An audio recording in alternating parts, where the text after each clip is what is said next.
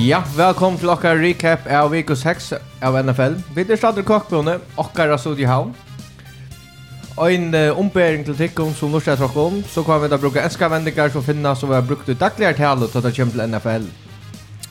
Og som rikka nok best brukas enn at ser først offen i år.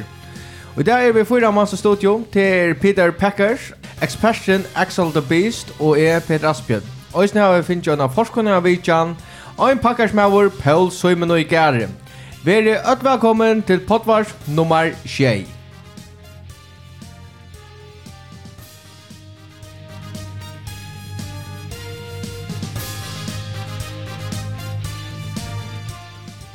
Ja, og så skrein er hentan til er tøyender, og så takkar vi ja, trutja dyster, oin eller ja, tvorra trutja dyster, og så er det ære dyster støvan i Green Bay, Power Ranking og så gissar vi.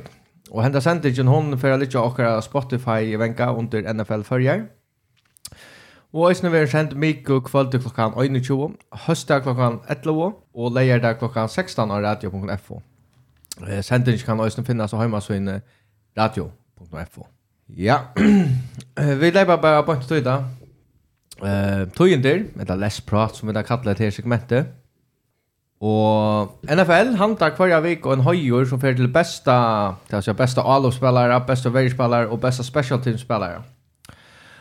Og i uh, vik 5 var det kickaren Cameron Dicker som fikk det for Eagles.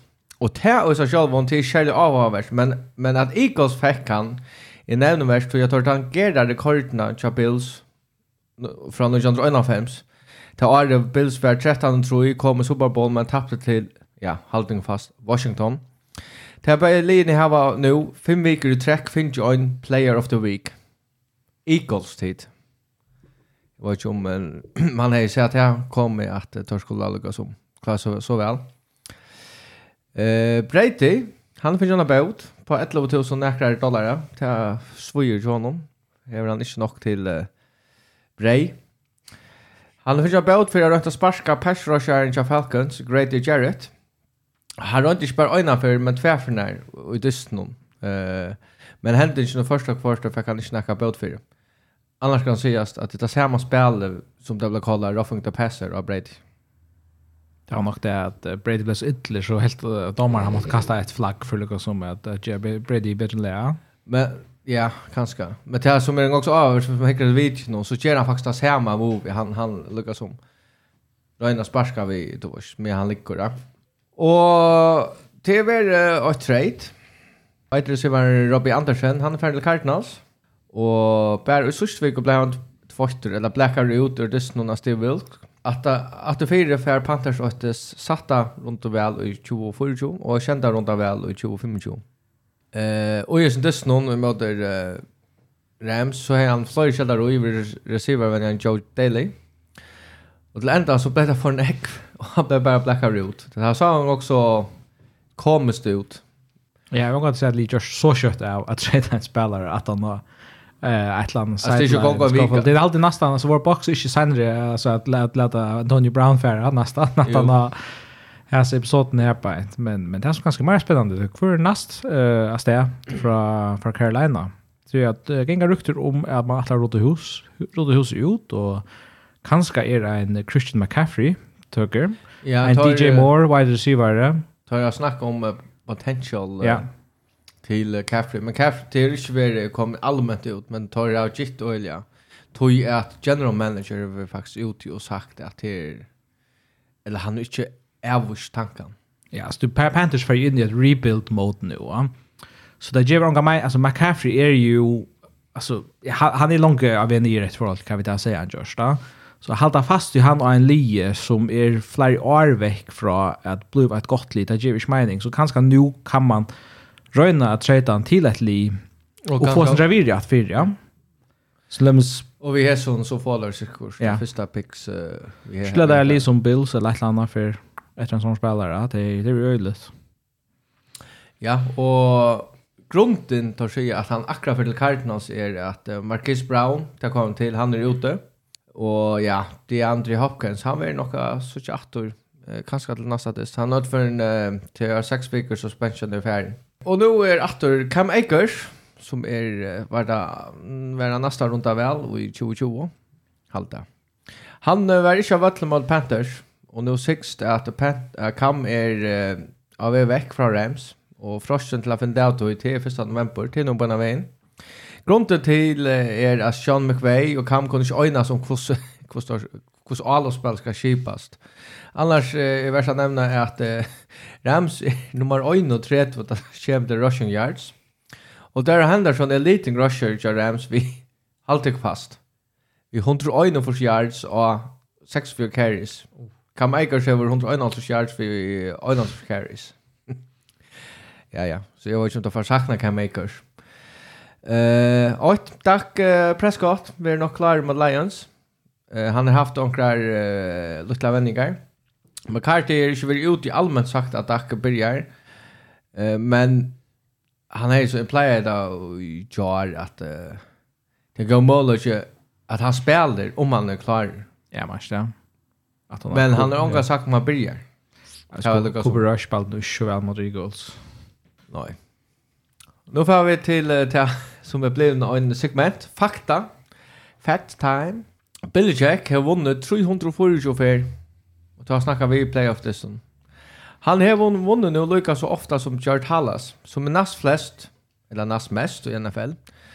Og Bill uh, vinner 24 dystra treat, Så fer han fram om Don Shula som har vunnet 324 fer. Det er en rekord som... Eh, tar ikke vant av å føre av teachen, uh, ja, Men hon, han är ju ganska möjliga till det. Det är 5 och trus år sedan Rocky har vunnit två dyster som startare och har en passing grade i vår 100. Bailey Sappi var han som klarade det och är det sjönne tjejal trus att Hall of Famer Sander Jörgensen gjorde det. Så spurningen är Sappi en kommande Hall of Famer. Stafford, han, uh, han har en sån källarrekord. rekord eller han er utførende av VM. Han kastade så ut pick 6, nummer 22, og er jaunare vid Dan Marino. Og han manglar best uh, tre pick 6, för jag blev jaunare vid han som hever da, Brett Favre. Packers tar klara ikke presse. Hver vik og trekk har tar vært favoritter ved 7 points, eller Moira. Eller annars hent bare øyne for, så er det fjers. Innførende var det i 8.5. Så Jan Lamar blir jag som startar i Ravens så 2018 var han 12-0 i möter NFC Lyon. Men det här stryker ända in och sådana kvalitet tar Lamar tappte mot Giants. Ikke har vi tås han ikke om Marcus Mariotta. Faktisk han kan du. Men han spalte uh, en nesten perfekt andism av Falcons. Hans har statsvär, two passing touchdowns, one rushing, og minimum halvtrus rushing yards, og bare en incompletion. Incompletion. Det var en som vi gjørst det, luknade, og det var uh, Walter Payton som har klarat gjørst sindet det samme, og vært av under John Tvejefors og John Dustin mot Saints. Ja, running, running back. Två uh, kastet av i endes det, det var en fett statistikker. Så uh, kanskje er um, Mariotta en, en, en, en, en fantasy, sorry, sleeper. Jets er uh, 3-0 on the road. For først for så igjen 2020, som annars var uh, Ari Sush Jets var playoff. Jets er talier som er løtna langstastrik og han har klara det er postseason. Og så har du her. Matt Ryan, vi da har en kvetsen. Han var den øynaste aktive MVP-spilleren som vann sundagen. Hinner som spalt sundagen tappte, Det var Tom Brady, Aaron Rodgers, Mahomes og Lamar Jackson. Mette Ryan rønte bare i første halvo og kastet ballen 23 ferie. Og er det fjord mesta for en kvartabæk en 1,5. Og er det mesta så gjør det Peter Manning rønte seg ved 38 kasten og møter Titan i 2013. Så skulle jeg ærne være. Her er som Botgar har sendt en franchise-rekord for uh, Chiefs. Vi har noen uh, 22 yard field goal. Og er han han 13 det bästa 13 spelaren som har klarat 8 yard eller Moira eller langere field goal. Annars så har Giants klarat for 3 og 4 i år. Jag kommer att det kvarter vi en månad av Tuccio eller Moira. Som sett att har Ajant vi fräschast rekorderna för kappingar år, för holdt kappingar. Giants er klara heter i tre andre kappingar år till er 2021, 2011 och 2016. Och Felix för Atlas ju är ner att klara playoff för så här. Och två av dem tar under Super Bowl. Det testar kan det. som Det i ju för Atlas. Ja, hatta var fakta. Det En styrkestegna. Ja. Och så var det ju vi skulle bara göra som så vet jag har tidigt att och så att evligt evor tar mest tojanska gärna eller som har värre sista sista runda. Så var det ju vi skulle bara lycka tidigt att jag kan. Eh kan jag picka ett? Han uh, Einar sier picket og pickens, det ble det ikke, til han uh, er ute, og han er ferdig i concussion protocol. Eh, og så er uh, Toa, han er ble en fruskur, at han ble klær av ur concussion protocol. Ja, Marcus Brown, og viktig med vår kan man så säga for Cardinals, ta i nu uh, de andre ikke verger. Han er uh, ble skatter for men... Uh, tar vi ikke ordentlig status. Så er det til tikkene på år. sitter her. Randall Kopp er møblia ute i en high ankle sprain. Det kan være noen viker hvis han det er. Det er rett og slett kjedelig for Packers. Det er det godt nok. Han er nok så viktig. Det er det. Han viktigaste? Ja, alla andra sart här är väldigt god Aaron Jones ösne. Um, Aaron Jones ösne i passing game. Men jo, han har haft några sälja viktiga third down conversions. Så han är han är via värre. Han han var via blåa han gamla kap som vi känner för att han spelade i Packers för några år sedan. Rodgers var ute i vikne och Röstjon så det rättliga kedligt att att han är blind skatter nu. Ja, och inte för att jag inte väljer Rams så har då en och en affär med stan linjeman och en offensive och offensiv linjeman. Till left tackle Joe uh, Noteboom Og tar her var var at att Andreas vi er. Ja. Så kom vi til det. För jag kände litt verre. Tja, Washington Commanders eller Commanders. Kanskje vet ser ut. Er det ikke helt verre, eller? Det er så forhåpninger få det, så ikke. Erna sier at Heineke, han får ta i for arbeidene i siste viken, og nå kommer han så trakker inn, og det kan være et arbeid. Eller kanskje Sam Howell, han Och som som de han väl har av en draft i bara ehm en sån Baker Mayfield typ av quarterback all det. Ehm ganska stort vid om om många andra kan göra bättre det. Det är ju kanske inte så imponerande. Men no, men hur hur Heineken imponerar att det som har spalt. Eh ankra distra ja. hur han hur han spalt väl men, men alltså, han, han miste ju jobb i fjärde gå gå norsk nästan ja. Väl lukar vi har blivit så här Jag glömde namnet, men Sean Spader Jaguars i uh, i Washington. Eh Gardner Minshew. Ja, han var han var Louis av Blue Vans här figurer i Washington. Ja, där första dessen där. Klarar sig rättliga väl. Och så ändar vi vi här vid Biao här uppe till er, Cowboys planlägger att Dak Prescott kommer efter att spela Big 6. Jag saknar stats till honom. Han ser inte klar så så vad grodda väl alltså. Han faktiskt kommer rusha bättre stats än han. Men hatta var så skanner. Och nu kommer vi till uh, Disney. Second goal, Pickett dumps it out to Harris and Harris is in. Kenny Pickett's first passing touchdown of his career and Pittsburgh has the early lead. Alltså för mig är nog en av de mest överraskande ursliten om lunch omkring i alla fall alltså och jävla gott att Mauren som kallar det sista veckan ja. sista veckan inte nej det är det är fullkomna gamebuster alltså och han kallar ju isne eh Jets och, och Giants av vinner sina distra alltså så Och så tema i hela veckan var några stora upsets alltså Falcons eh, vunnit ju isne mot 49ers alltså och Seahawks mot Cardinals så så ordnaga ja, man kan säga, jag läkande för, för Nick folk som hade kanske tippa pengar på att få då, det lie odds ni på men det är gott som man så får him in. Jag vet inte om Arna får in och, vid, eh och, kort, man kan säga, pengar på alltså. Du har ju såna förklaring folk kvui, eller du har funnit av kvui, han kallar så sikker Steelers av Winnerman Box. Han, han var också sikker. Är du så Jo, han var ordentlig. Alltså han säger att det är Atlan Fakta. Jag vet inte om det här Brady var färdig till Brydlöp. Jag Robert Kraft, eller som... Alltså snäga stort år. Jag det. Jag fruktar det. Han färdas inte vid någon och han måste ju walkthrough. Tog han för att leda Brydlöp. Alltså är Robert Kraft som gammal med Jo, han er uh, i forsen og nok det, Angstanes. han er en gammal rygemauer. ja, og jeg merker. Men lukal, hon, hon er lakne, altså.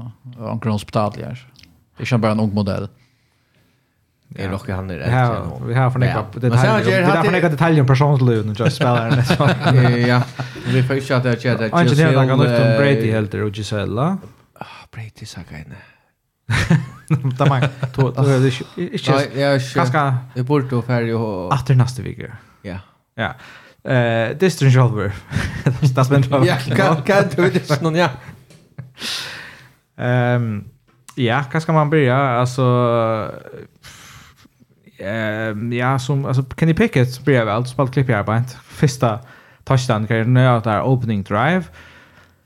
Ehm Och alltså Destiny är sin trailer lite filtrast det att det som ser mig inte det är att Buccaneers de står där spela så jävla illa och det helst ut alltså att där där spelar lent där här på Destiny där där får bara sig avsluta sin drives alltså Tær uh, skorra ikke touchdown i, i fyrre holdet ikke Tær skorra tre field goal drives, og helt nesten flere finner um, er der helt tatt på, altså er, er, er, er rett sånn. Uh, men um, halvleikstøen er så tutje nutje, så til andre halvleik så får bare linje kvart ut. Fyra goal, og så hentet det i uh, omkring fjorda kvarter halvtid det at Kenny Pickett fyr ut ved en skia. Og Mitch Trubisky kommer inn, eller det var tre kvarter. Og han uh, spelade faktiskt ordla väl. Uh, alltså ut nästa drive så skår han touchdown och så stöv han 20-12 til, uh, till Steelers. Brady i box färs upp. Skora touchdown med fyra mot efter. Kicks a two point conversion. Men det får man läsa då listan va. Så står han 20 Achan, men uh, box får faktiskt inte bulten åter på att han var eh det.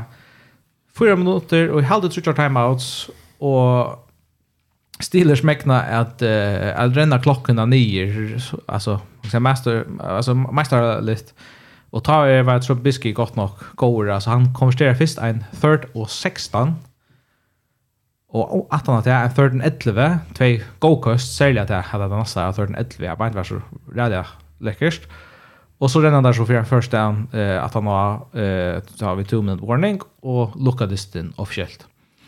Så det er fragrænsen, Brady Færs, Orla, eh, Bølt Natter, og alt i alt, så er det her bare ikke noe neiver, Och det är någon alltså värjan manglar ju alltså a third and sexton och third and 11 då må släppa av öllen i sån stöv alltså då du hvis du inte kan det så tror jag för att hon igen detta. Och så lukka til den sista stikken jeg bare til det, at jeg tar fyra fyrir rett sånn, skår ett touchdown. Så. Det er ikke godt for uh, Brady? Nei, men altså, det er ikke, jeg vet ikke om, ja, till till till det ju sin synd av John det av Brady det gör det Alltså Steelers värjan steppar sig inte upp till Steelers nu men att det inte så jag mest prangande värjan. Nej, inte utan TJ Watt till förna. Och han värjer sig. Ja, nej men jag så hur jag ska nog göra rätt där att det det är gott nog Brady. Alltså han har 234 yards, 2 touchdowns. Det är en vanlig lister men men alltså då är jag som säger en ett utav fyra i red zone. Tre ut av fjärnan av third down sam. Så det är Anke när är det simpelt nok at säga att du inte du är er utan man av mun avgjent løten av det nå. Så jag vet ikke vad jeg skulle si vi gjør om det her. Och så jeg reflektera på box boks för jag vet inte om det her. Nega, jeg ja. Nei, box. det ser ikke alt for godt ut av dem om det kan hvis man er vant til. Vi løten litt av Løsla klara playoffs, lukka som Packers. Det er tveilig som, som kom og sørst der. Så Nei, Støvan har ikke er optimal til Brady just nu så han, han er veldig forsvinkende i år imot til, kan man se av noe før. Uh, så han må takke seg sammen hvis han vil ha en rynke på at rett. Nå han mistet en.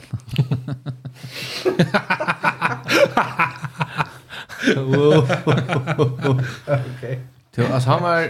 Okej, okay, 25 25 Men uh, jag också lyssnar till alltså jag kanske tar som man tog 2000 ljudet. Det är att jag nästan mist Rob Gronkowski och det är ju en sån vad ska jag trycka teppe kallar man det alltså cha cha honom alltså ahis ner ja för downs och rätt så alltså alltså helt chat han har sent några sms'er till Gronkowski om att att komma åter nu tar jag följer att öll som han går vill ut från honom Jo, det går så hjälpt hon ölja väl om om Gronkowski kommer åter.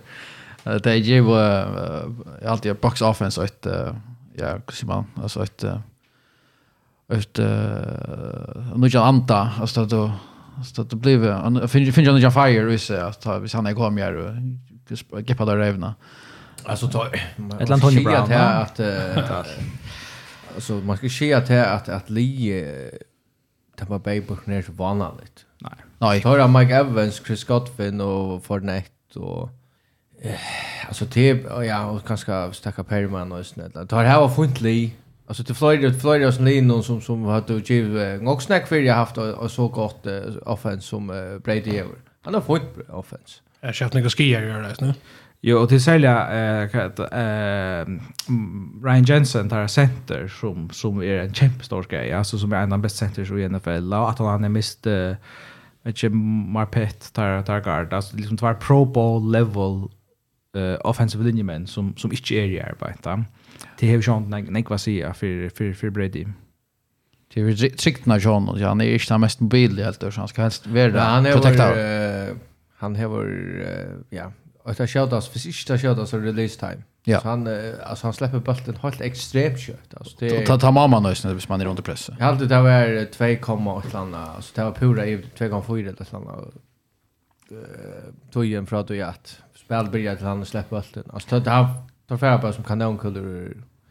Men han gör inte jobbkostnader. Inte lika nästa man gjort fyra. Och så har han åkt upp i raska och så bara muffa och jobbkast.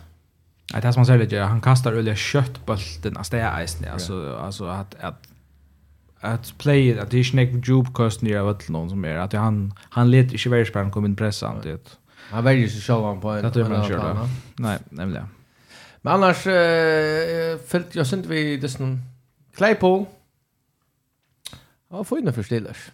Han kör några viktiga uh, plays här för Uh, eller han var ut för en, Uh, han Uh, ja, Lucas och Lucas, uh, Lucas Neck som Brady saknar jag inte att steppa upp för uh, uh, för uh, box så var Claypool här för uh, Trubisky. Och så han har ju en uh, jag har inte ordentligt hukt men det som minnes var att han har faktiskt fått in han folk förstår. Leopold. Det är också viktig kast, Nej, viktig är vad säger? Loftingar. Loftingar. Zebra catches. Ja, jag vet ju hade när kan man ju se om den här dusten eh åtan till att Steelers vann. Nog mer spänt på den nästa. This is huge for the end of the season. I'm telling you. Here comes Allen. Looking, looking long, throws to the end zone, and the ball is caught! Of all people, it's Dawson Knox! Oh, what a time for Dawson Knox! The light shines on those who come through adversity. Kvært on daver for Dawson Knox. Ja, det var den distrin som, uh, alltså, som vi sa det, absolut uh, Game of the Week och en Game of the, the Year, alltså en, en distrin man hikker fram til. Jag har det här är alltså det sjön utan det var det bästa linjen i AFC. Jag har det bästa linjen i NFL i behöver som som mötas. Ehm gott undrar mig sen kvui NFL inte sett det så det nästan i år. Eisen i if så show the Bills där där vann alltså där som tuljar och där syns stort läsa sen sett i år men friver vi tui. Ehm kanske en han man kan säga förvärskar rui det som är nog hej vanta. Alltså sen som tar vi så i playoffs här och är kanske också Berlin kommer skora en 34 till. Eh Bills vinner uh, 40-20 eh och distribuerar också klossot kanske man rätt år jag brukar alltså det är det Jack Wilson turnover i början så att Josh Allen har en sort pitch som running back liksom fumla bulten och så eh få Chiefs han här bänt i red zone och så att han att jag så kastar Mahomes en interception eh i red zone så eh tar det liksom är är börja så hade jag inte kommit några possessions med några punts. Eh Bills skorar så endelig en touchdown vi, til uh, Tucci Shea vi 22 sekund etter, klokken holder ikke noen, og i absolutt storstøyle fra, og øyelig klisjé fra i fjør, så kommer Chiefs opp og skorar field goal, selv om det bare var 20 sekund etter, så Chiefs har skorar 1 som field goal. Ikke helt lukket som imponerende som vi endan av ja, som er berömta playoff this noen, men, men jeg lukket vel nesten sort. Eh, en stort liten detalj, eh, og déjà vu fra från senast de möttes. Eh, andra halvleker är mer spännande. Bills hade skorat opening drive touchdown och så komma Chiefs först att få där ja där skora ett field goal i fjärde quarter. Ehm um, och så gera Bills ett längt längt game winning touchdown drive är det väl sagt hans eh ta det här bulten åter det här bulten vi 5 minuter efter. Och ta halt vi såg Josh Allen awesome toppnivå. Alltså att han häver flera imponerande kostel så just. Alltså han konverterar bäj och third down och fourth down. Han häver ett rennespel här och mot ändan distan. Han ränner för 16 yards och löper på en Chiefs-läkare. Ja, och hvis ikke jeg ser det så, så må det hitta det sånn. Det är, ja. det är allt stortligt att i onker löper om en spelare som har tackla. Men han, jag har alltid han vill det där bara. Ja, men det är det. Och, och han han gör det bara och alltså touchdown kastar till Lawson Knox där sidra är bara perfekt alltså han han levererar ordentligt och i ända annat det snön och alltså i jogna mest av det snön Hever 320 yards, 3 touchdowns. Han, han spelar öjliga väl. Det, ska det ska han göra. Um, Patrick Mahomes, jag vet, alltså Jay Eisen rann är gott i distan. Han har så två dåliga filer. Den ena är i början distan, han kastar ett red zone interception. Och det sen ändar vi alltså Chiefs har ju en minut efter till att fara upp och skåra och rock vid de flesta helt det att Stafford där göra men men Mahomes kastar en en öle butan interception som så lyckades den. Jag vill sagt att han också var lyse. Det kan man väl säga men kastar bara en chans för gott. Ja och han var pressad över. Han kastar och så. Jag vill sitta och säga det men ja och han också låg i kast. Men man ser han just där för alltså Mahomes han ränner och pressar över och så för han skramlade under linjen och så kastar han bara. Så den fyra är bara kasta bollen väck så rör han alltid att finna någon. Och han rör han det drar shot han kastar bollen väck. Nej, drack det ja och i en agile lödde det snön så rör man jag får också hämta men här så fejler kostar bara väl den. Alltså det är bättre att honom bara runda på inte till linjen och stoppa tog in. Absolut. Och när Anna om den här ryssen, Arvid för att spela hinna på var så sitter. Så har vi. Jag kommer släppa för Kan det komma att nå. Tack då bra? Nej, jag har inte på nu. Pura tom. Det är nej men man ser att här alltså det det som jag sen alltså till det att vid innan det distan kanske kan vara här för en high scoring. Och talar nu inte är det. Det visar ju att att det som kan nu inte dynamik dynamik i sin linje det det här faktiskt ska vara ju. Så han är en god very spelare. Och spelar så fina väg faktiskt. Ja, alltså till helt säkert och så och Sean Chiefs har Ice Net där har ju några några goalspelare med andra att Chris Jones och några pass rusher. Men man kan helt alla komma dem till att Bills ja, det här var en helt öliga över och till att här finns ju Von Miller är jättestörst för där. Han spelar en brandist. Kanske alltså man kan ju argumentera han han är dagsens spelare till att han hever 90 fernar press om hon sitter snön och har två sacks. Og det er, jeg synes han som framprokerer han av feilen fra Mahomes og i enda av disten og tar han kommer inn, og pressar Mahomes som den gjør, han må ut av renna, og gjør så han den er bytta feilen. Det er, jeg synes han som framprokerer det vi, vi pressen nå, og så har det bare det er feit, at, altså, altså, hans karriere, altså forskjellig det hvis, hvis han vinner Super Bowl ved Bills, altså han vinner Super Bowl MVP, i Broncos, han fyller Rams, ett år, ger kjempe mål för Lee och Vince Wall. Han så ger att det bind altså det er hans legacy för bara. Totalt alltså det är election tricha. Alltså han är en kommande Hall of Fame ja absolut. Jo jo.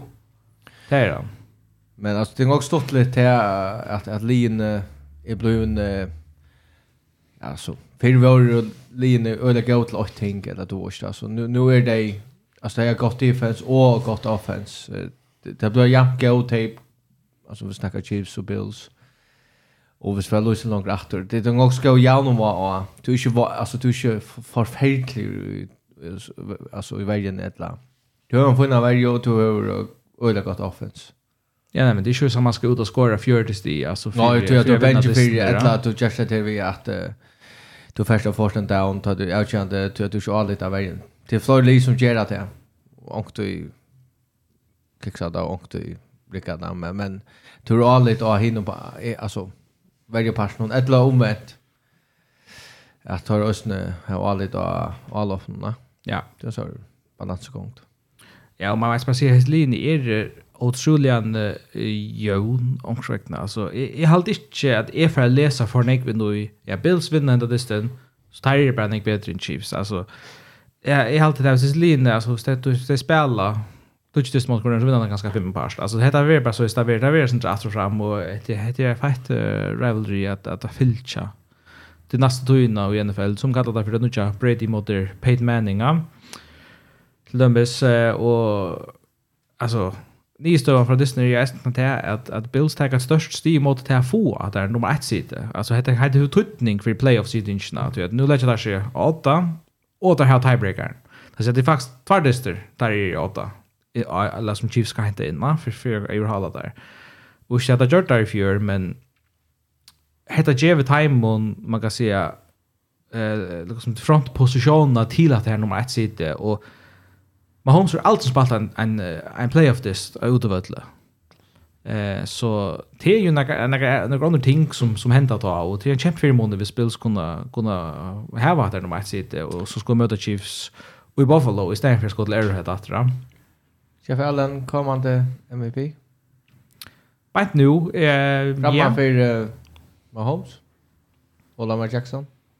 Ja, jag är framför Lamar Jackson. Ja, jag haltar faktiskt. Alltså, det man, det man gör dem. Alltså, jo, nummer ett i FC. Alltså, och vill argumentera Jalen Hurts. Det är alltid att Allen är, är här på ett jo. Alltså, faktiskt, nog så tydligare än jag vet till, till det här på ett jo. Ska vi få till RR-dyster? Ja. Er det dyster? Vi har flere li her, men uh, jeg vet ikke hva at om det er noe som tid vil jeg teka fram om og si jeg heter vel noe som Ja, ok. Vi kunne jo faktisk til ikke høstkvastisten. Tar jeg av er til vi rævlig nok fram om at heter ver og Kjolmal er en ærer ver av NFL. Jeg skal ikke holde ver så evnsamt at folk faktisk nasta høstet, så det är sens för spela så släcker det på Chalmers för att jag har skvats det är bara onsenter punkt då så Chalmers av Amazon som köpt rätten och sen där tar som vissa Disney i Amerika. Men det var inte en god distro men kom Anders vann det är det som vi hade med mig jag också otroligt att ha vunnit andra dist alltså Bears Porto alltså det är otroligt att ha tappat då alltså man kan vänta vi ser det alltid nu sa jag distin det mesta av någon ta om nattna og ja, Bears burde ha vunnet. Det var trutja for innenfor femjardlinjerna og fikk null stig. Alltså det är elendigt. Alltså det där fick alltså det jag att fick jag touchdown men ta alltså hinner tre drives nu alltså två förvärder av fem yard linjerna och en förvärder så i allt ja så så det var det för och ja för att jag får down och ett fumble och nej det var interception och och ett var stäcka av goal line ta fort down alltså det var millimeter det drejer sig om och Alltså det var ordentligt otroligt. Det var mer, nästan hälften av mer yards allt just nu än, än Washington. Och Washington får, får inte flott bulten näka. Och så svär vad jag jag vet inte det här när jag har ju snöt att Jimmy J har vår detta. För den ena skapte mot der Falcons och Atlanta Leon.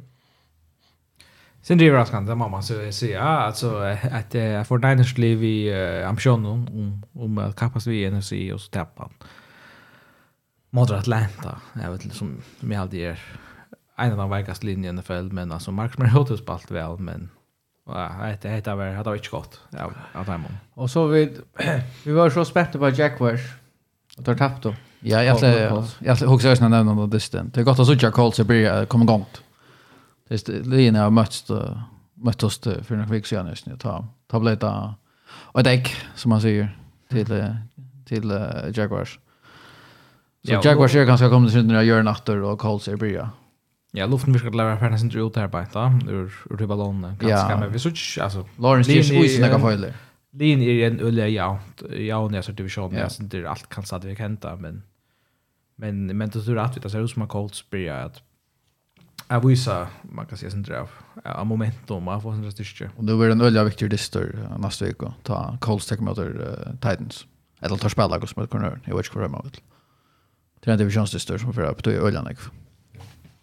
Några andra distor till vill jag, eller? Ja, så jag hade att uh, ett störst irrationelse, så objektivt sett utifrån vad jag är att, att, att Giants blev vi att vinna. Det, det är Och det här man ta så, va? Alltså, där vinner för 2020. Så man måste se det. Ravens.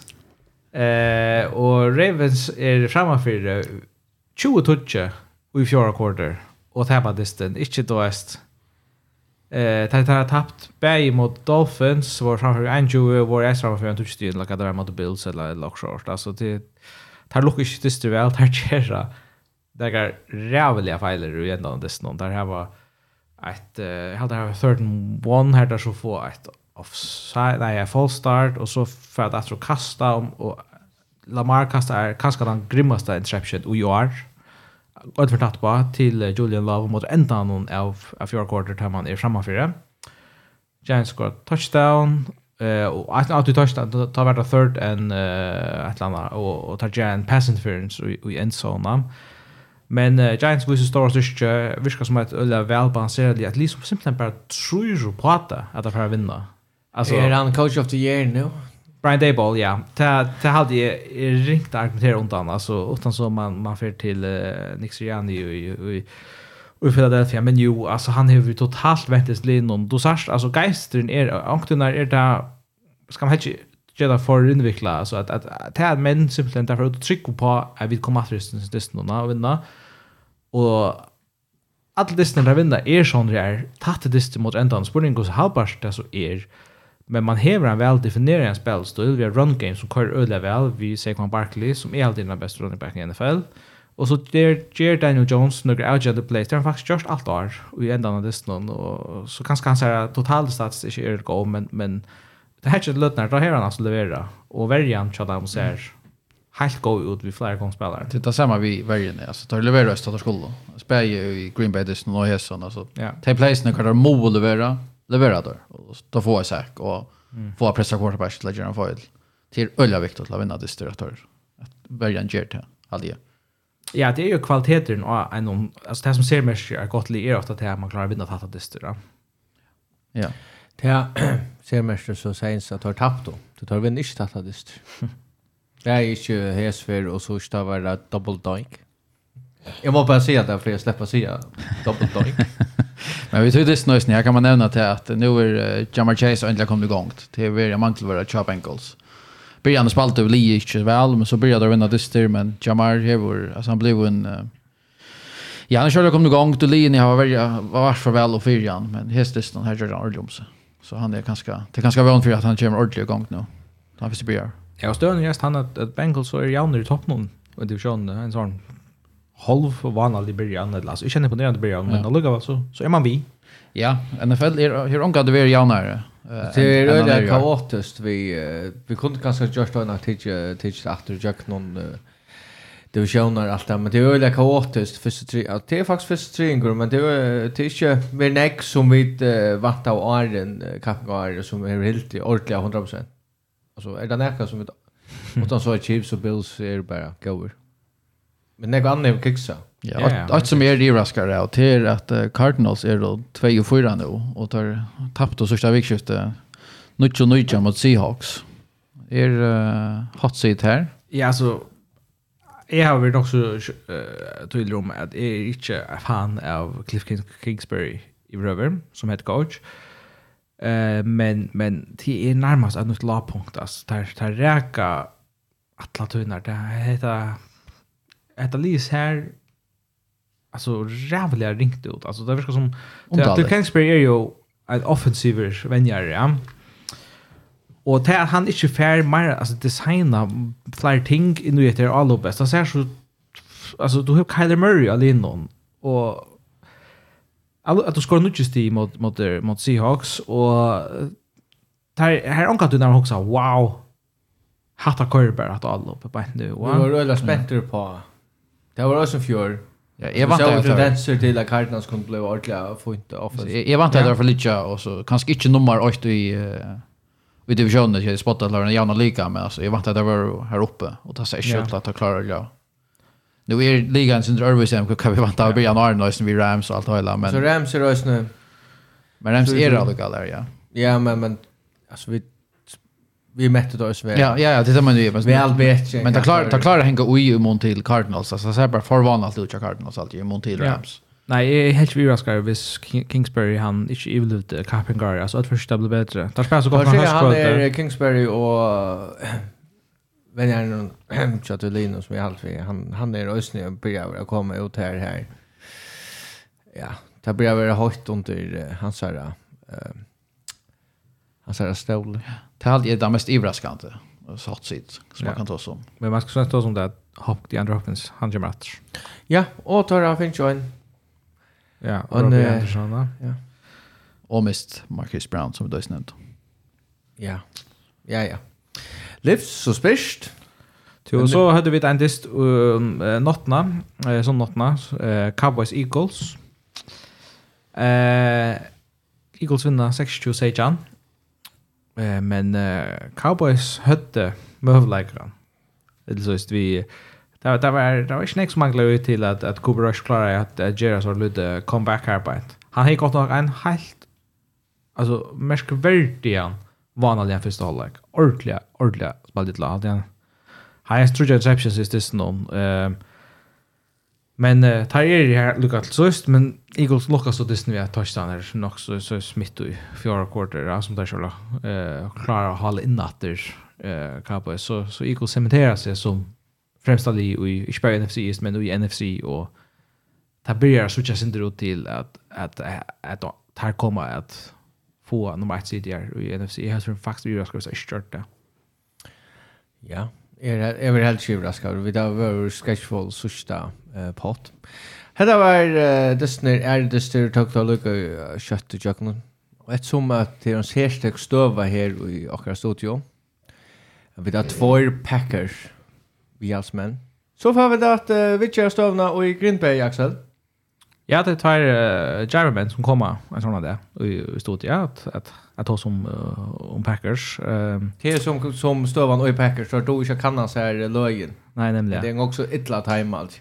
Så um, vi tror man går så att ta som stövan. Packers tappar sista veckan i London och så var det ett citat från där cornerback uh, uh, Jerry Alexander han spurade så bekymrar för stövan att jag kan säga nej, jag är först bekymrad hvis vi tappar nästa vecka mot Jets. Och gott då så har tapit spär mot Jets, men man kan säga att det, det ringaste tapet av hemmabana och i karriären i Rodgers som man tar ut från Stion. Um, Packers tapar, tjej ju tutja. Ett eller annat steg. Hon gav det ordentligt vid det någon. Alltså, la, hålla inte stövan är gott nog tror jag, men där vi ska köra små Packers kommer ut ur en hålla inte. Uh, Jets skorar två touchdowns i tre quarter.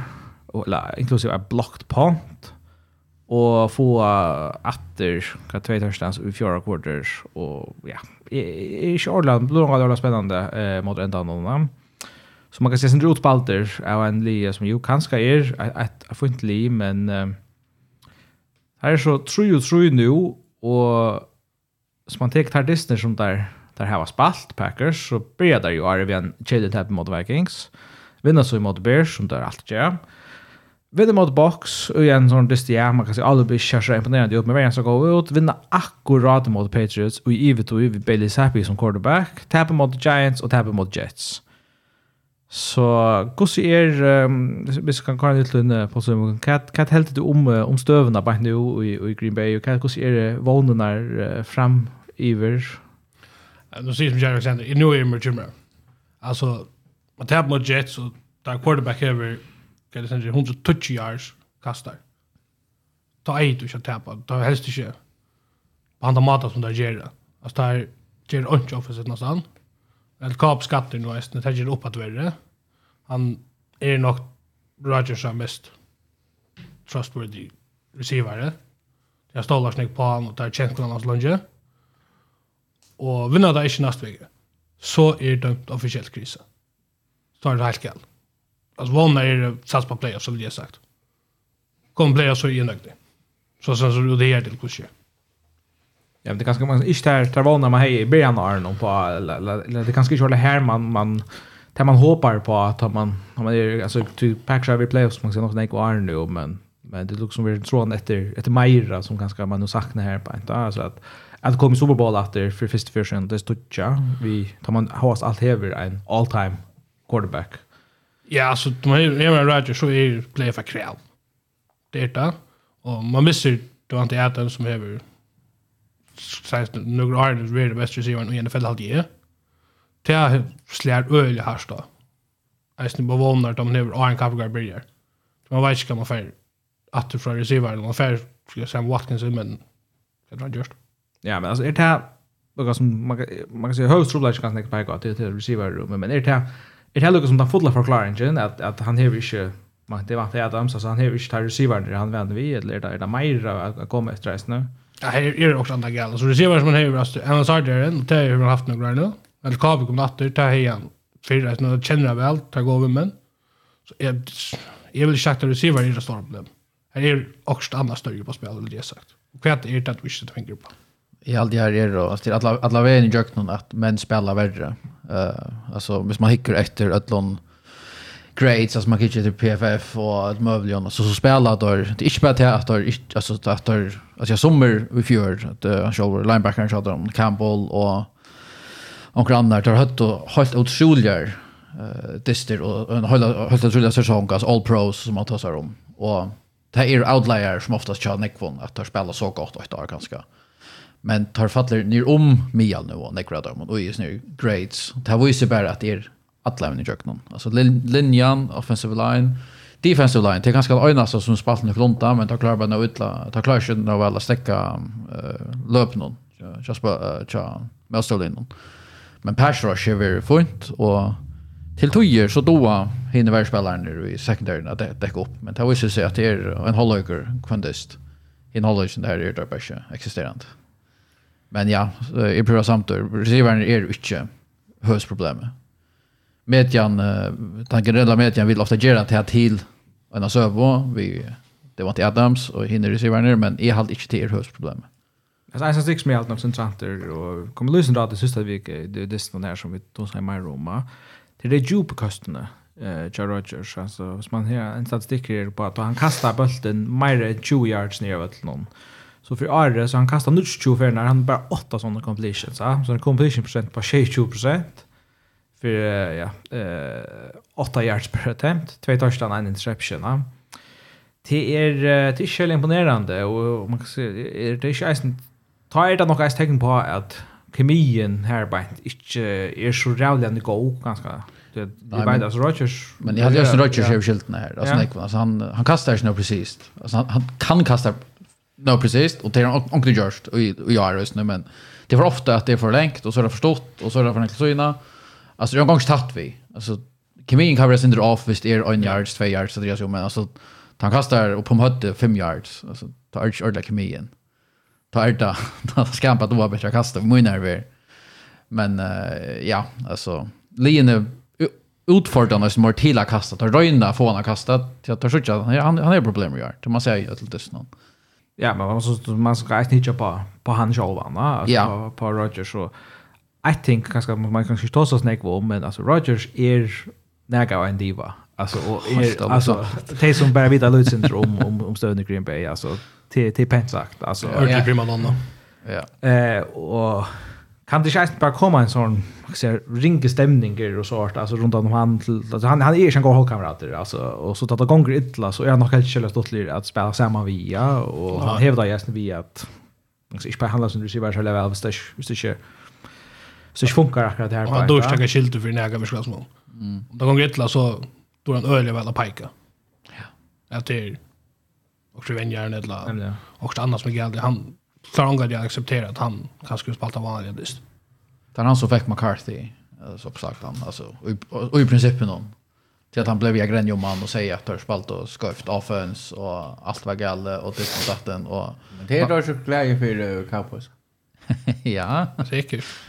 Nej, alltså McCarthy var första vänjaren i Söderns och Green Bay som blev uppsagt mitt i, mitt i åren. Det hade jag läst någonstans. Och det här var ju alltså, jag vill göra Rodgers alla skyltarna för han blev uppsagt. Ikke jeg sier det kanskje var skøyft at, altså jeg vil si at det var skøyft at sier han opp, men altså det var tog at Rodgers var ute og grenja jomman, sånn. Ja. Peter, skiljer det rett, så sier du at Rodgers er kanskje den største parten av noen problem. Altså jeg hadde han øyne dem, ja. Altså ja. har, altså han kan gå sagt hans, altså om tvær dyster, kanskje også nästa dyst, så räcker han MVP-nivå. Det är ju inte längre att säga säger att Rodgers gjorde receiver gubbar. Rodgers gjorde lige gott. Ja, men alla alla alla kunde spela av allt. Nu får han faktiskt in med och gör lige rikt. Ja. Det är alla kunde alltså alla ungen är gubbar alla då. Annars har jag haft annars har Rodgers haft flera drinkar och då kör jag så bra. Ja, det var det. Det var så man sa att han kan vara en sån en chili kan ja, ta det i skonge väl. Men kvärt är så lossnen. Men det kan man säga alltså ett ting, ja, hvis man alltså we're actually looking out just tycker. Kvärt nu vis man får all out av få omkring offensiva spelare till en Odell Beckham, en DJ Moore kanske från från från Panthers. Eh Kenny Golladay kan kanske få oss från Giants eller och showar det. Är det näga alltså hvis man får en sån spelare kan man säga problem så lost alltså är man så vånare på att ja kanske vi kunna kappast vi eller är är liksom man nästan där färre. Alltså ta må är det Sverige nu är det två packers hackers men men är allt problem är mer än bara och inspelare. Ja, ja, alltså vi så huggt det dess någon alltså linjen offensive line var för färdig. Alltså vi tar på att spalta något lunta. Så jag packar runt det. Och det var slime var hej såna abjongar vi vi alltså running game. Jo jo men alltså det var skoltan att där finko så ordliga stora place nu i mot Jets. Alltså det hade under grunda stora då? du. Är i bush alltså så skolt mig vi ger Roger skyltarna på nu för nej men alltså offensive line har spalt lite sin bättre. Så har så har packar runt det. På så men är så samtidigt. Ja. Det är inte quick fix. Vi har lucka få en spelare in så är det är och ni så alltså det är alltså Eish teacher Otto Beckham för helt ärligt. Jag vet inte hur stant jag nu. Nej det där. Så jag helt ärligt DJ and DJ Moore. Han får inte stant han spalt två år. Men jag ser inte Packers inte för klara playoff hos året. Det är bara så just att alltså, du kan spela i ödli och se hur ska spela bättre, hur ska spela bättre här. Här ska gå över till pass rush, då kör vi jävla där. Löp någon allt det där det bara nu tackar vi problemen. Ja. Alltså det är bara alltså det bara lägga kolla ur perspektiv till till som lusta så det är inte allt så jävla negativt. Det står väl alltså jag Packers klara playoff. Alltså nog vi en wildcard. Ja, det är nog så inte att komma alltså som wildcard lead nämligen. Ja, att att göra några kan pusha ur Packers visst att det är nog så som first seed ja. ja. Jag ser bara att alltså Packers tappar nästa dist så kan man kosta en full blown crisis. Ja, alltså står det här på nästa list. Så så tryck vi helt ju på valt här plus långt. Alltså är det ju på så är Metal Floor så av alltså a hot seat vi startar bara. Nej. Inte? Nej, ta, ta halvtid maske. Ja, men... Og tar du mot dig. Men man kan inte köra en hot seat, alltså. Det er først för han tar på tordistrøret, så kan man ikke köra en hot seat. Ja, ja. Jeg har sagt, det er ikke rett andre bak hos man. Ja, jo, jo. Men så han taper mot Commanders, så har han problem. Det har han. Så helt säkert. Men då kan man så börja att uh, kanske vi defensive coordinator kvar han fist och få alla upp jag blev inte mer nej väldigt nice inte mer uh, aggressiva. Alltså jag jag har två soft fantasy. Jag jag valde Green Bay uh, vi fantasy uh, som en defense och det var simpelt att vi vant att för vi okej och för vi är explosiva. Alltså få interceptions och tar tar finns en en interception på 60. Jag vet inte snäv. Nej, och först kvart för fumbles kanske av defense. Vi jag gångt. Det det var lite. Alltså ta vinner du inte det. Du måste ju ha defense att hjälpa dig till att vinna. Ta all upp i skorrord. Så det är inte några quick fix i men men det är ju en krig alltså. Det är kris. Alltså det är kris. Nej, nej, det är det inte.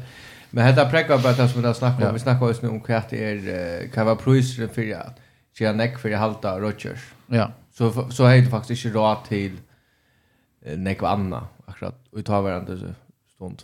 Det är det och tar välja satsa på Bakhtiari uh, alltså han är Östfinns nära kontrakt och han har kommit att förskia han spelar andra godist. Ja, nu spalte han gott nog fotlandist mot Jets men det är första distans han fotland ja. uh, i två år nästan. Ja. Uh, så det går han Louisburg han spelade han spelar okej okay, ena disten och han själv Runyon han var ju very okej. Okay. Atler hinner har inte. Har inte varit några år. Särskilt högra sidan tja, tja Rodgers är väldigt förrättlig. Allt, allt släpper Jack Jackman, tja, Jack Hansen och Elton Jenkins. Men Sean, det där, där, där går spelarna, alltså Jared Alexander och David Bakhtiari och Kenny Clark och Preston Smith och där, där skulle jag spela bättre, ja, som du var still, ja, alltså det är alltså det är där kräva, där, där du betalte gå spelare, där, där spelar som det. Ja, ja, där spelar som Mia, han på spelar och Nekver, i rum till, och i lötne, men heter spelare, tröst här så som sagt, vi, vi fokuserar på nu och på där rinka. Det tog jag jag var negativt, men... Men, men kvart är så det goa. Nej, det goa är det, men det där skulle säga. Att, andra avbrett men nej då. Det är att, alltså, att det är spelare som har vurst att de kunde och tar häva nivå till, alltså, er och goa. Nu spelar bara under nu. Det är inte spelare som man kräver att de skulle alla prestera. Som är Russell Wilson eller vad är det? Nej, man tar Russell Douglas och Darnell Savage och Jair Alexander och Eric Stokes bara för så när secondary. Alltså det är spelare som har vurst att ha en nivå. Ja. Ehm och nu spelar Russell Douglas gott några utjämnas positioner mot vad han har gjort för i karriären som är ganska en förklaring på att att tar centra Twitchon för att till. Eh och wide receivern skulle hålla sig komma ett och ett och så är inte en ölja benchen om Ari kör uh, Green Bay men jag önskar att de får något inte första uh, första plats i division. Det här för nog till Vikings. Här skulle där ordla mest upp för jag missade han nu. Ja. Men tar helt ju i bushan det lugnt att första snär. Schafft där vunnit. Tar ju då allt trots allt för mycket. Ja, og hata var uh, et lite Jag ser särskilt segment. Men jag tror vi tar det två eller här var två som haltar vid Green Green Bay. Och så färrar vi till uh, till han nästa och till er på ranking.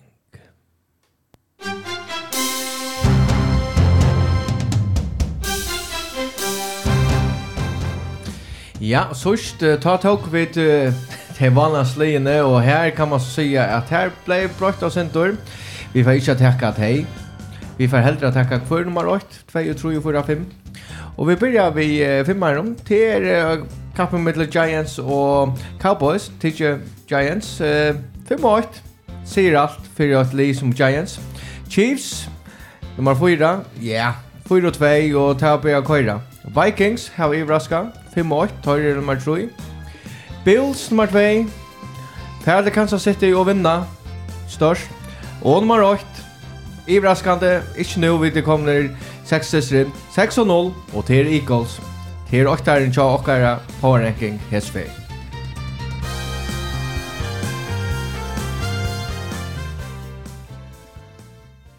Ja, jeg synes det er uh, brøyting og iso igjen, man uh, kan være nærmere den sånn der, Power Ranking senest. Uh, då har vi så Eagles av första plåse till Det skiljer för så vitt väl men är också Eagles är av Ödlon nummer 8 Ödlon power ranking tar det är om Alltså jag vill det sagt det att jag håller till att att Bills och Chiefs är de två bästa lagen i NFL.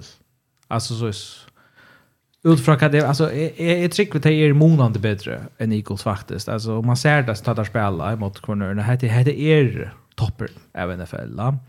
Jag sagt att det kanske såg jag att Eagles men det var ju jag det skulle starta väg i bussen som med mer för Terry Bedger men men det är nog man kan säga jag kan sex veckor att också att det här är det bästa i NFL. Det det är fair nog, det är inte det, men, men alltså, som man tar sig om, hvis här mötte Bills eller Chiefs, så, så tycker vi att både Bills och Chiefs är grejer där, och en sån dist mot, mot Eagles, så jag vet inte om det är åsamt ut. Det är inte det är släck. Men alltså, jag Oavsett hva li till er och att över 6-0 så høyt og valgt til at la vel 8 på rekkingen. Alltså, det är bara så. Jeg var, tar vinna Det ska man säga, men det får inte kolla det. Men de vinner all, alla här i Super Bowl, Eagles. Ta hade du inte, eller gal? Nej. Ta er hin lite för gäll. Nej, nej, men det är inte, det är alltså, alltså, man kan säga att det är ett, ett ögonblicksmynt. Alltså, du är en Giants som, som nummer fem och, och så skiljer vi allt. Det är imponerande sikrare har haft det just nu. Och, alltså comebacks när är ju otroliga alltså här på ett som säger alltså jag finnar kom det alltid för för touches det ja och här när där han definierar en spelstil alltså vi run game och varje som spelar väl och så klarar alla på Vita Jones akkurat att göra något till att komma efter så just det man ser lucka som här definierar spelstilen ja. men då är så tycker att ett playoff till uh, Giants nu Inbar Ja, i rock vi tar kom och blir. Axel, jag rockar vi tar. I rock vi tar inte. Jag följde jag inne men ja alltså. Vi tar oss om det sist vi går om tar få alltså om divisionen för 8 eller 2 wildcard. Och nu alltså tar få augusti rätt och ta inte för Giants direkt här. Lucka tagen tar distan där efter när när att amna Jaguars, uh, Seahawks, uh, Texans, uh, Lions, tvärfyrna Washington Commanders. Då är alltså hade Meijer och Clara rökat till att få en touch säker bara alltså få få få alltså Så det är inte vinner nu touch distri år så är det ordentligt underligt. Och det börjar så det är faktiskt vi är championship vi det inte kom playoffs, ska jag faktiskt säga på nu. Det börjar så köra bättre oss nu så Giants vi ska så är det inte? Ja, så istället för det hända så sitter vi då. Det receiver att det gott nog men jo. Nej, istället för det hända så sitter vi här om tjej viker och tar som stövna i en Giants, va? Ja. Ta med det ju bara så där på. Rastus när jag. Jag vet inte om vi tackar shitlistan nästa nästa för men. Ringas alle i NFL er ikke langer Washington Commanders. Ja. För det så. Spännande. På en massa veckor. Ettla tar vi tacka då. Men vi har sagt att det var vanskligt med tid och slång. Liv power ranking och så får vi till Gissa. Och så spelar jag bara. Eh, vi gör som alltid och så små till svära. Jag säger kvar spelare och att hit Gissa. Och där är det uh, höstnattna för skattor. Klockan 8.15. Saints mot Cardinals. Og på sier? Jeg gitt Cardinals nå. Jeg tar ikke Cardinals. Det er spennende å vite om vi får en bedre Thursday Night Test. Cardinals er ikke reboisende, men uh, jeg held det til som held over uh, rett og hukt etter, og The Red Sniper, så jeg sier Saints. ja, jeg, jeg sier alltid Saints. Sier vi hjertan. Uh, Browns, Ravens. Luften er sinterferden ur uh, Browns-ballon i Aldje, så jeg sier Ravens her. Kjolt du ikke heldre av over Ibo, sant? Jeg tar sko reisen til Ravens, så der vinner. Ravens vinner. Ja, vi der for øyne, men samtidig, Ravens. Så er det Buccaneers og Panthers og Axel. Er det ikke Buccaneers? Buccaneers. Ja, også Buccaneers. Ja, Buccaneers. Altså, Panthers er forferdelig. Är det vans det NFL eller det som Nej, nej, nej. Tell tell tell. Jag last vecka. Falcons Bengals. Bengals. Ja. Det det vi hade varit jag jag vet inte vad jag ska säga. Falcons är alltid alltså Lichar och Ivraska kvarja för. Men ja, Bengals har lyckats ha mamma säger. Jag såg ju Falcons. Yes, alltså till som inte känner mig tar Lions som är divisionen är bara mot Bengals. Lions Cowboys Cowboys. Jeg er nøyest jeg sier Cowboys. Alla du sier Lions? Ja, alla. Jeg, jeg, jag vet inte, ganska Dak kommer atter, Jameson får kjøtt atter, spiller så väl, ganska. Okej. Ja, ja. Lions. Hvor sier du Lions? Er det bare tog at uh, Arne er og så er rätt uh, sush. Nej, vi fick nog Arne ta heja just med Dolphins. Så det kör. Det då just. Ok. Vi blir ikke så men så hvis du kaller det her rett, så må du tacka det neste vecka. Jeg sier Cowboys. Giants, uh, Jaguars. Giants blöv vi. Ja, just det. Jag hade ringt inte att trycka på Giants här. Ja, jeg trykker vi også bare på Jag vet inte. Jack var hemma väl tvalt. Giants. Colts, Titans. Wow. Här som det är intressant så tycker vi att eh kan det där att Colts har en rik via här. Alltså mot eh Tennessee, ja. Tennessee allt för fall. Ehm så jag tror vet. Det är Tennessee som Ja, ja. Så det touch där. Tar hon för det för det chans det där mot mot Colts. Ja, jeg tror slett ikke noen calls ut. Jeg trykker jo på Derek Henry her, så til Titans. Ja, det er just Titans. Ja. Jeg ætla å si Titans. Jeg sier calls bare for jeg vil møte. Jeg har alltid også jævndest, ikke for det. Ja, det var vantest. Packers, Commanders. Jeg må jeg si Packers. Ja, vanlig, altså, nesten vanlig, nøytvall. At han må der vinne. Han skulle der vinne. Ja. Kommer där att en shitlist vi snackar på. Green Bay tapper mot Commanders så kommer det att en kon shitlist. Ta kommer gå så att tack om gå så i en lista är det mest skuffande. Alltså jag tror för. Ta får en quarterback in if if I if I call out så kan det prova att han så så fair att också dessa så vi kommer men det är vi får så full blown krise och en Nathaniel Hackett har hot seat. Okej, men är hej, vi så är tjej färre, så hej är färre. Men nu ser Men nu vill du inte? Nej, nu färre jag bara packar. Eh, annars var det snack om största skuffelse och största allt det där. Och en gjorde ända för en färja, det var Karlsberg, största i Russia och största skuffelse. Ja, ja, kan man påstå. Så här, Jets, Broncos. Jag förtäljer Jets. Ja, alltså in till Russell Wilson visar också annars så må man ta med så och i his för en ear Jets mot så Jag tror att det är okej. Alltså jag kvar ju så Jets blues. Ta sig ösnit ta i kolla i Jets testen för två på så igen. Ta sig jag har soft spot för Jets. Eh Torvel. Alltså men du är Green Bay fan. Du är soft och du är soft spot för nu för heter City och Jönsson Blues. Jag sa inte... Jag ska lägga tapp med dem. Men... Uh... Alltså Wilson är så van att göra. Det klarar inte att kara Broncos när att göra något nu. här seriöst. Det är kvar Jets. Ja, alltså... Potentiellt, alltså Krisan. Eh, han spelade okej okay, månadskvällen, men, men här, här brukar för, för skier till dem för att hålla kappen går att lova gott nog. Ja, det är annars men är sig jet så är det alltid tar jag tar här var färt och rätt ända. Texans Raiders. Raiders må ägst med handla listan. Alltså för yeah. att att hålla Lewis ut Kappingar. Tar är 1 och 4. Och tar spalt bättre än Texans. Ja. Ja. Tappade av några några distro helt åt. Jag ser Raiders. Raiders. Ja, jag ser Raiders. Jag har faktiskt sagt Raiders som måste ofta men tycker inte väl. Seahawks Chargers Chargers. Chargers. Er det Chargers? Seahawks. Gino Smith. Chiefs, 49ers. Chiefs, Super Bowl rematch fra for noen år siden, ja.